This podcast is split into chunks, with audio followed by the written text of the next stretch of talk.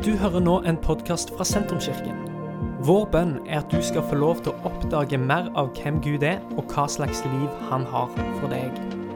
Mer informasjon om hvem vi er og hva som skjer i kirka, befinner du på sentrums.no og i sosiale medier. Det er det det handler om. Jesus hele livet. Og livslang etterfølgelse. Kjekt å se deg. Eh, Og kjekt å se at det der er litt folk òg som har eh, kommet seg på gudstjeneste i dag. Herlig. Um, vi spør oss for sjelden hvilke valg som er livslange. Vi lever i en øyeblikkskultur der valgene våre eh, ofte handler om akkurat nå. Og der valget som jeg tok i dag, ikke nødvendigvis har noe å si for hva som skjer i morgen eller dagen etter der. Og i en øyeblikkskultur som er vant til med, så er det noe som heter Snapchat. Der en snapper Altså det som en gjør i dette øyeblikket, det forsvinner til og med. Eh, I en sånn kultur så trenger vi å spørre oss hvilke valg er det vi tar som er livslange.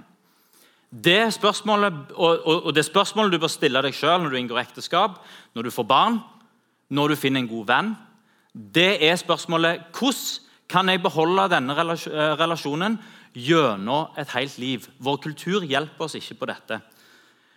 Spørsmålet alle kristne bør spørre seg, det er hvordan beholder jeg troen på Jesus gjennom et helt liv? Og eh, Jeg har funnet en lignelse som handler om dette. Den er fra Matteus 25, vers 1-13. Strengt tatt så handler den ikke utelukkende om det, men eh, temaet fins her. Jesus hele livet. Da kan himmelriket sammenlignes med ti brudepiker som tok oljelampene sine og gikk ut for å møte brudgommen. Fem av de var uforstandige, og fem var kloke. De uforstandige tok med seg lampene sine, men ikke olje. Men de kloke tok med seg kanner med olje sammen med lampene. Da det trakk ut før brudgommen kom, ble de alle trette, og de sovna. Men ved midnatt lød et rop. 'Brudgommen kommer, gå og møt han.' Da våkna alle brudepikkene og gjorde lampene i stand. Men de forstandige sa til de kloke, 'Gi oss litt av oljen, for lampene våre slukner.' 'Nei', svarte de kloke, 'det blir ikke nok til både oss og dere.' 'Gå heller til kjøpmannen og kjøp sjøl.' Mens, mens de var borte for å kjøpe, kom brudgommen, og de som var forberedt, gikk sammen med han inn til bryllupet. og Døra ble stengt. Senere kom òg de andre brudepikene og sa, 'Herre, Herre, lukk opp for oss.' Men han svarte, 'Sannelig, jeg sier dere, jeg kjenner dere ikke, så våg da, for dere kjenner ikke dagen eller timen.' Det er ikke så veldig ofte lenger at en preker ut fra teksten om eh, de vise og de uforstandige jomfruene, men det har jeg lyst til å gjøre i dag. Faktum er det at Vi bør ikke hoppe over de lignelsene som Jesus kommer med, og det som Bibelen underviser oss som kanskje vi kan se på som litt ubehagelig. Eh, For det er en del av det som bibelteksten forteller oss, og en del av helheten. Eh, Nå forklarer ikke Jesus denne lignelsen etterpå, så her må det jo være rom for at en får lov å eh, tolke litt. Det er jo det en lignelse er til for. Den skal hjelpe oss til å tenke. Så jeg påstår ikke at min tolkning her i dag er 100% korrekt, så dette får du gå hjem og grunne på. Og, så, og, og bygge videre på. Eh, Denne lignelsen kommer i en kapittelrekke fra 24, 25, 26, kapittel 24, 25, 26, som er en lang tale. Og Det er veldig viktig når en leser en bibeltekst, å forstå at det ikke, eh, bibelteksten er ikke en haug med Twitter-sitater som er bare eh, slengt liksom sammen til en helhet, der du tar ut sånne tweetbare eh, slogans fra bibelteksten. Bibelteksten henger sammen. Flere av tingene som Jesus sier, sier han som følge av en lengre tale. Det gjør han bl.a. her. Den talen begynner med at eh, Jesus gir instruksjoner til disiplene, for han vet at det går mot slutten. Det er også slutten av Matteus evangeliet. Eh, og eh, Han kommer med en av de mest bemerkelsesverdige profetiene i Nytestamentet. Disiplene de, de ser på tempelet, og tempelet er stort. og det er, eh, og det er mm, imponerende. Disiplene sier 'se for noen bygninger', 'se for noen steiner'. Jesus han svarer og sier her skal ikke bli stein oppå stein. Alt skal forsvinne. Eh, og Det er jo akkurat det som skjer i år 70. Da eh, tar eh, romerne og ødelegger Jerusalem, og de ødelegger tempelet. Og det eneste som står igjen, er klagemuren, som står der eh, fortsatt. Så fortsetter Jesus sin tale med å snakke om det som skal skje i tillegg til at tempelet blir ødelagt. Eh, og Så fortsetter han med å snakke om at han kommer tilbake igjen. Og Denne lignelsen handler om å være klar når Jesus kommer tilbake. Og Det har jeg lyst til å løfte fram som den første tingen her. Jesus kommer tilbake. Hans død og hans oppstandelse er inngangen til et nytt rike. Kirka er på en måte en flik av hans rike på jorda. Eh, når Jesus kommer til jorda, så er det himmelen som kommer til jorda. Himmelen som møter jorda. Kirka er da en liten ambassade av Guds rike, av himmelen, her på jorda. Og Jesus sine etterfølgere som hører på hans ord og gjør etter det, skaper en flik av himmelen her nede. Men så er det noe uforløst. For vi venter på at Guds rike skal komme, og Guds rike skal komme i kraft, at det skal komme i sin fylde, at Jesus skal regjere. Eh, for sånn er det ikke nå, og det kommer til å skje. Han kommer igjen til jorda. Ikke bare som den lidende tjeneren, men han kommer som den rettferdige dommeren og som den gode herskeren. Da skal han gjøre alt nytt. Det blir en ny himmel og en ny jord. Det blir litt som når en kjøper et veldig gammelt hus som eh, har forfalt. Eh, og Så eh, hopper en inn og får tak i tegningene, og så, en, og så snakker en kanskje litt med den gamle byggmesteren og den gamle arkitekten. Og så restaurerer en huset tilbake igjen og fører det tilbake til sånn som det var tenkt. Hva som er viktig i tida før Jesus kommer tilbake for å gjøre alt nytt. Jesus sier det igjen og igjen. Vær våkne, vær årvåkne, følg med. En annen ting som er viktig før Jesus kommer igjen. Hold ikke opp med å gjøre det gode. Nesten alle lignelser Jesus har, og undervisningen som han kommer med, handler om at vi skal gjøre noe. Forvalte det som vi har fått, tilgi, være gode mot de som trenger det. Eh, være gode mot disse mine minste. Eh, og det eh, fortsetter denne talen med òg. Gi klær til, til, de som ikke har klær, gi mat til de som, som, er sultne. Besøk de som er i fengsel, hjelp de som er, faste, eh, som er fattige. Trofasthet, mot og etterfølgelse av Jesu ord til han kommer tilbake. Jesus hele livet. Og Hva er så denne visdommen som disse her jomfruene hadde? Det første er at de gikk ut for å møte brudgommen. Eh, skikken var at eh, eh, De gikk ut for å se etter brudgommen. Skikken var at de venta på brudgommen i brudens hjem. Og når brudgommen da kom, så tok en brudefølge fra, fra brudens hjem til, til brudgommen sitt hjem, og der ble bryllupet holdt. Ingen vet, I denne lignelsen så vet ingen når brudgommen skal komme, men de vet hvor han kommer. Han kommer der som bruden er. Eh, og Hvis du vil møte brudgommen, så er det en ting som gjelder. Du bør være der som bruden er. Paulus sier at bruden er menigheten. Eh, og vi er aldri på feil plass hvis vi ser etter Jesus i kirkefellesskapet.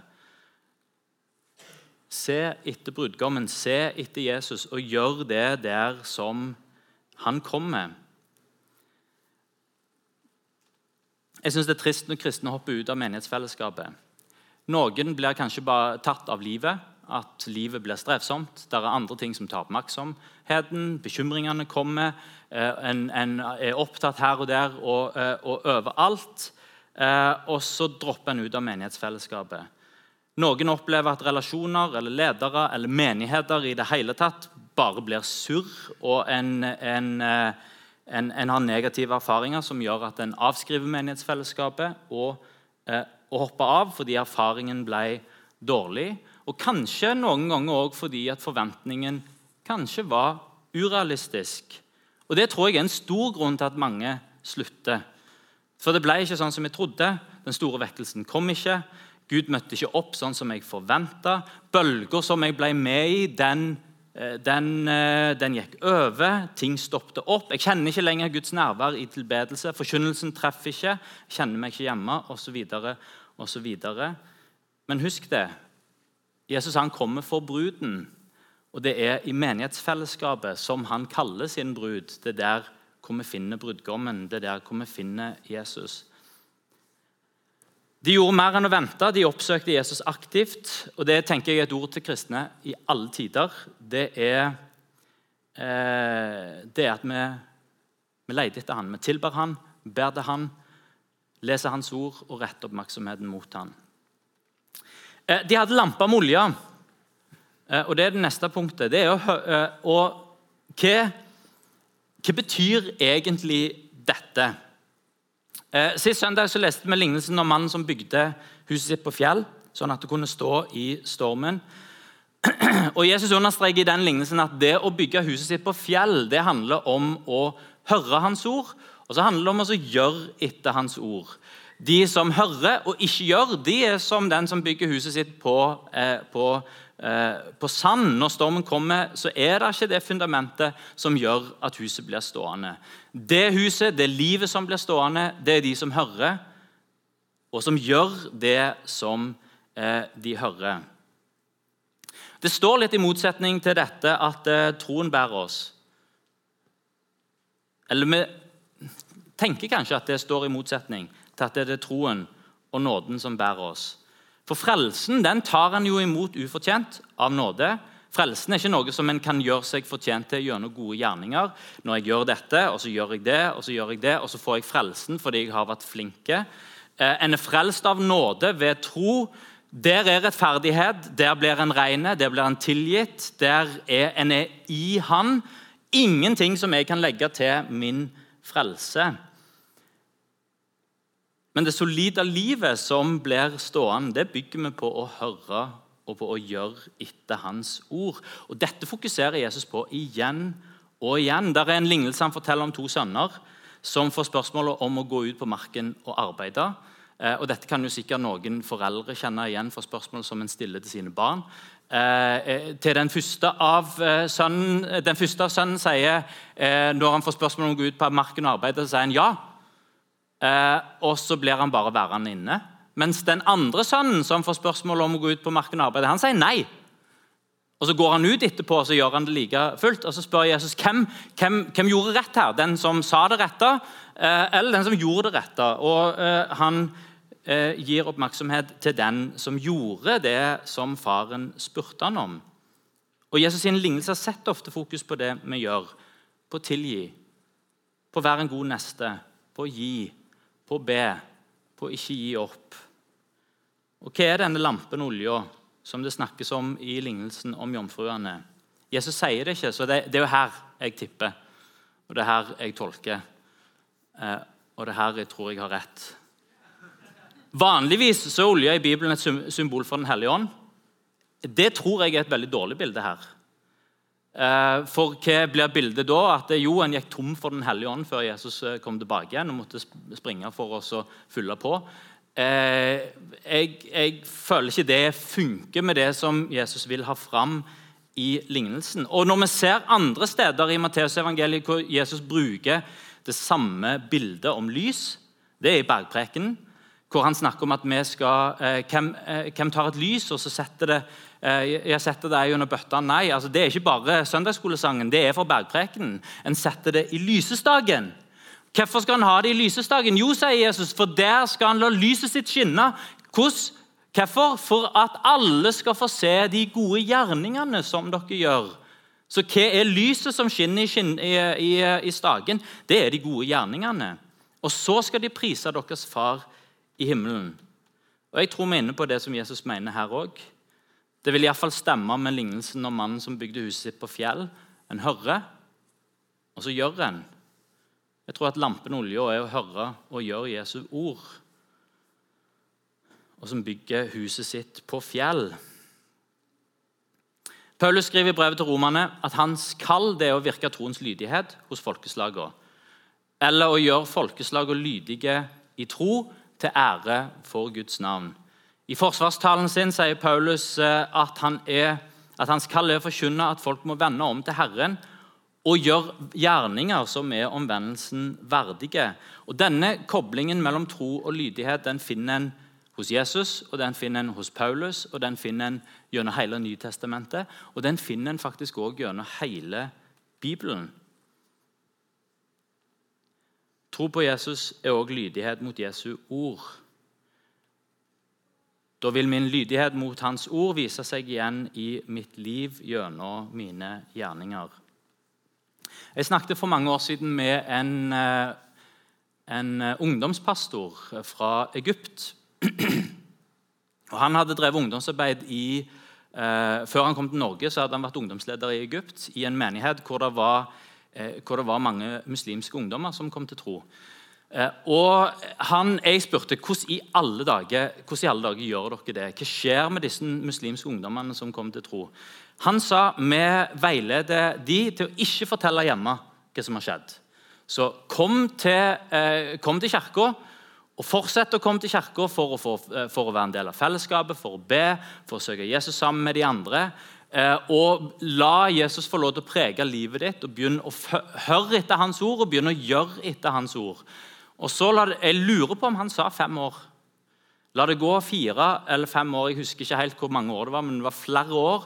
Så forteller du til dine foreldre at du har kommet til tro på Jesus. Og Når de da blir veldig sure og vil kutte deg av og eh, og ikke har noen forståelse for det valget, og det blir problemet, så kan, eh, så kan, dere si at ja, men dette valget tok ikke jeg i dag eller i går. Dette valget tok jeg for fem år siden.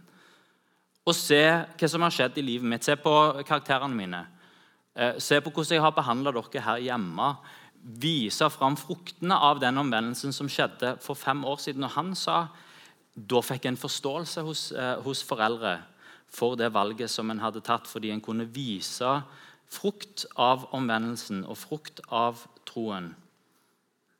I vår individualistiske og følelsesbaserte tidsalder så har Kirka lagt vekt på de sidene av kristen tro som spiller på lag med oss som individer og som følelsesmennesker. Det vil med andre si at vi har justert opp den sida, det opplevelses-, erfaringsaspektet ved troen. Eh, og så kan en noen ganger oppsummere kristen tro med 'I just wanna feel real love'. Og så nedtoner en den delen av kristen tro som utfordrer vår frihet, og som går ut over vår autonomi. Og så tenker vi på Braveheart og så, så Freedom! Og at vi er fri til å ta våre egne valg og fri til å leve sånn som en sjøl vil. Og i verste fall så får en en kristen tro der vi, følger vår, der vi følger vår indre stemme og følger våre resonnementer i livsvalg. Og så går vi til kirka og har stillestunder for å få følelsesopplevelser med Gud. Jesus han snakker om å gjøre min himmelske fars vilje, og disse kapitlene handler om dette. Å være god mot de fattige, være, være god mot de marginaliserte og mot de små. Og jeg tror det er det han vil ha fram. La oss være lydig mot hans ord og leve etter hans ord. Utfordringen som det gir oss når jeg hørte om omvendelse når jeg var yngre, når jeg hørte om øh, å følge etter Jesus og snu seg ifra det som ikke var bra, og ha Jesus som herre, da ble jeg ofte nervøs fordi jeg kjenner meg sjøl. Eh, jeg vet at jeg gjør eh, ting som ikke er bra. Jeg vet at jeg gjør ting som er galt. Jeg vet til og med at av og til så gjør jeg ting som er galt, og jeg vet når jeg gjør det, at det er galt. Altså med andre ord Ikke bare den der at å ja, jeg kom på det etterpå at dette var kanskje ikke helt bra. Eller noen sa det til meg, så gikk det opp et eh, Men av og til så gjør en noe eh, som en vet der og da dette bør ikke gjøre. Hvor er jeg da hen? Har jeg falt ut av frelsen? Hvem er uvanene som jeg ikke klarer å bli kvitt? Hvem er prioriteringene som jeg ikke klarer å få rett? Så derfor, når jeg var litt yngre, når jeg hørte sånn 'Jesus er Herre, følg etter Jesus, gjør det som han sier', så ble jeg litt nervøs. fordi hva da når jeg ikke klarer det? Og jeg må innrømme at En periode var det kjøret såpass heftig for min del at jeg lurte til slutt på om jeg var kristen i det hele tatt. Er jeg god nok? Eh, klarer jeg å få dette til? Og vet du hva? Jeg ønsker ikke å lede noen mennesker ned over den gata. Men da har jeg måttet spørre meg sjøl underkommuniserer en da etterfølgelse, sannhet og lydighet imot Jesus sitt ord. For det er en del av evangeliet. Evangeliet er ikke bare tro på Jesus som frelser, der jeg tar imot nåde og tilgivelse. Men evangeliet er også bekjennelse av Jesus som Herre. At evangeliet inviterer til både tro og omvendelse. Og Det at evangeliet inviterer til omvendelse, det tar ikke vekk at frelsen er ufortjente, eh, at den er ufortjent nåde, og at det er tilgivelse, og at det er uendelig med nye begynnelser. Det er tro og omvendelse, det er nåde og sannhet, det er tillit og lydighet. Og alle disse er to sider av samme mynt, og de henger sammen. Røveren på korset han eh, sa til Jesus eh, tenk på meg når du kommer i ditt rike. Jesus sa i dag skal du bli med meg til paradis. Den røveren hadde ikke muligheten til å gjøre noen ting bedre. Kvinner som ble grepet i hor, der sier Jesus heller ikke 'jeg fordømmer deg'. Og Så sier han etterpå 'gå, gå bort ifra og synd ikke mer'. Eh, hva er det som møter oss når vi trenger nåde? Hva er det Jesus møter oss med når vi trenger nåde? Da møter han oss med nåde. Nåden istandsetter oss til etterfølgelse. Og etterfølgelse det fører til at vi trenger nåde. Hvem er det som trenger nåde? Det er den som prøver å følge etter Jesus og prøver å følge etter hans ord. Og som snubler og dette og som snubler og dette, og som ikke får det til, og som trenger ny nåde og ny tilgivelse. Vil du være som de vise jomfruene, ha olje på lampen, hør og gjør Jesu ord. La lyset ditt skinne, så folk ser de gode gjerningene som du gjør, og priser din Far i himmelen. Og Da kan bandet komme opp. Men hva er det som skiller disse, eh, disse vise jomfruene fra de som ikke var så vise? Det er faktisk ikke eh, lampen med olje, for den hadde de begge to. Eh, og Hvis du leser eh, lignelsen nøye, så vil du se at begge har lys på lampen sin. Så det er Lampe og olje, begge kommer med det.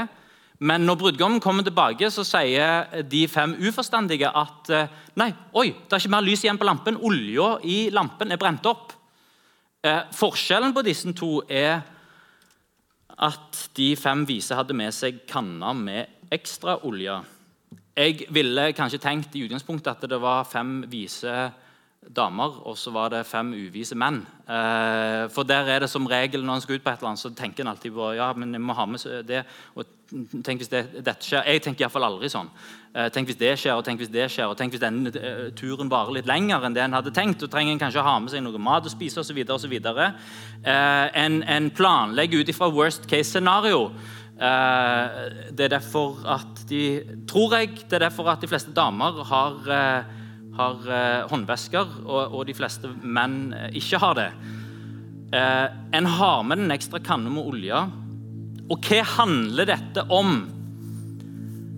Denne lignelsen handler om årvåkenhet, og tålmodighet og trofasthet. Og den ekstra kanna med olje, vet du hva? Jeg tror bare det handler om trofasthet. Jeg tror bare det handler om utholdenhet. Jeg tror det handler om å planlegge for at ting ikke, ikke nødvendigvis blir helt sånn som en hadde tenkt. Jeg tror det handler om å planlegge for hva gjør jeg når livet som jeg så for meg, ikke ble helt sånn som jeg så for meg. Hva gjør jeg med min etterfølgelse av Jesus når ting ikke ble helt sånn som jeg forventa? De fem som hadde kanna med olje med, de hadde lagt inn at ting kom til å vare at ting kom til å ta lengre tid enn de håpte. Og Dette har definitivt en dobbel bånd. Det handler om at Jesus kommer tilbake. Og det er klart, det har tatt lengre tid enn kanskje en hadde håpt. Men det handler ikke bare om å vente i tålmodighet på at Jesus kommer tilbake. Det handler om tålmodighet i etterfølgelse av Jesus. For det er utfordrende å være en etterfølger av Jesus. Jesus sjøl kaller det å velge den smale veien. Jesus sjøl sier at det er få som går på han, fordi det krever noe av oss.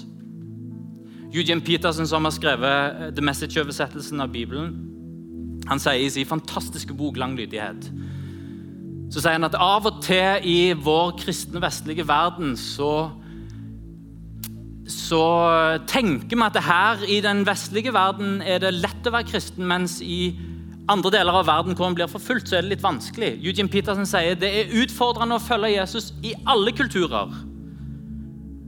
Fordi Jesus, det å følge etter Jesus vil være utfordrende på deler Det er forskjellige ting på forskjellige steder. I vår tid så utfordrer det å følge etter Jesus det utfordrer vår individualisme. Det utfordrer vår materialisme.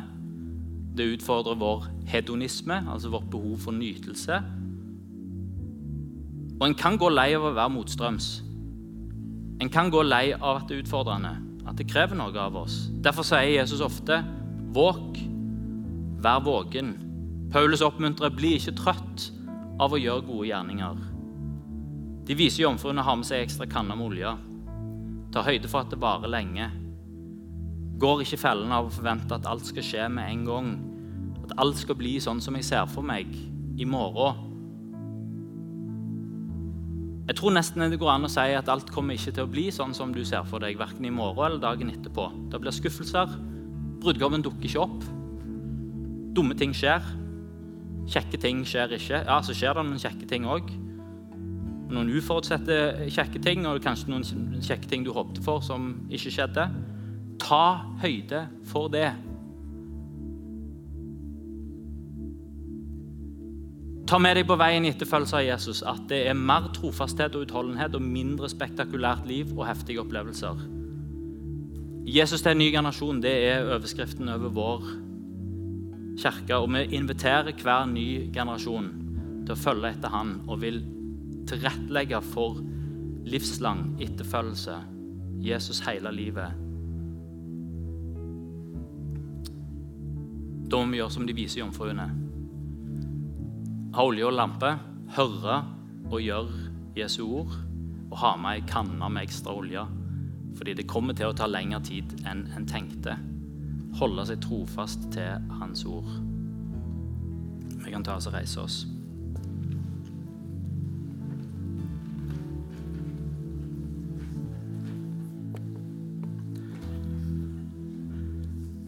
Ber vi sammen før vi skal lovsynge Gud til slutt. Herre Jesus, du ser vårt ønske om å følge etter deg, etter å høre ditt ord og gjøre ditt ord. Jeg ber om at du snakker til hjertene våre, Herre. Jeg ber Herre Jesus denne, denne uka. Herre, jeg ber nå, Herre Jesus, når vi tilber deg, jeg ber om at du snakker til hjertene våre. Jeg ber denne uka når vi tar tid i ditt ord, tar tid i stillhet, tar tid i bønn, ber om at du snakker til våre hjerter, Herre. Herre Jesus, vi ber denne uka her å få lov til å både høre og til å gjøre ditt ord. Så ber jeg om utholdenhet, trofasthet, Herre. Årvågenhet, Herre. Takk at du styrker hver enkelt den med din nåde. Takk for den som har falt, reiser du opp igjen. Takk for den som trenger tilgivelse, den tilgir du, Herre, og gir ny start, Herre. Og ber, Herre Jesus, om at vi skal få lov til å leve i din nåde. Følge deg i din nåde, Herre. Leve i din tilgivelse, Herre. Dette er slutten på denne podkastepisoden. Har du spørsmål om Jesus, om tro, om livet, så er du hjertelig velkommen til å ta kontakt med oss via sentrums.no.